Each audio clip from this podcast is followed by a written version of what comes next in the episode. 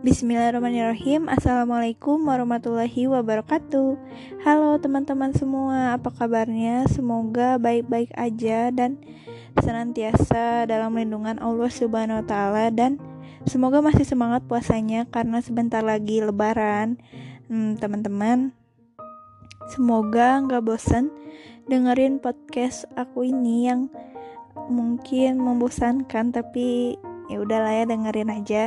Sebelumnya perkenalkan nama saya Amira Raseva dari kelompok 8 PIPS dengan NIM 1902873 di sini saya selaku penyimak dari kelompok 13 yang beranggotakan Nandang dan Aisyah uh, di sini juga saya bermaksud untuk mengomentari atau memberikan tanggapan terhadap podcast Salindia atau makalah yang dibuat oleh kelompok 13 sendiri.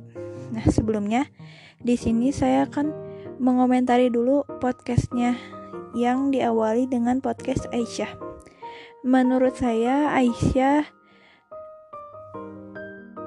Menurut saya Aisyah sudah menjelaskan dengan baik dan lancar seperti selayaknya guru menjelaskan kepada muridnya hmm, menurut saya sudah cukup baik dan uh, ditingkatkan lagi untuk Aisyah dan untuk Nandang.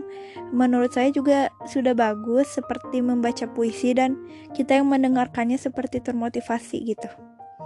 Dan uh, kelompok 13 ini sangat kompak dalam menyampaikan podcastnya sampai-sampai back back sound yang digunakannya juga sama. Bagus sih untuk kelompok 13 salut. Nah selanjutnya saya akan mengomentari makalah yang dibuat. Di sini menurut saya makalahnya sudah sangat baik dan terangkum dengan jelas tidak terlalu panjang dan tidak dan tidak terlalu pendek. Di sini juga sudah sesuai prosedur. Dan saya men, eh, saya tertarik pada intisari babnya yang disingkat sesingkat-singkatnya di mana kelompok lain itu menying, eh, disingkat namun masih panjang tapi eh, kelompok 13 ini menyingkat dengan singkat-singkatnya. Dan untuk powerpointnya menurut saya sudah bagus tapi untuk saya ini terlalu polos karena saya ini suka uh, salin dia yang cerah dan yang membuat semangat gitu untuk dilihat.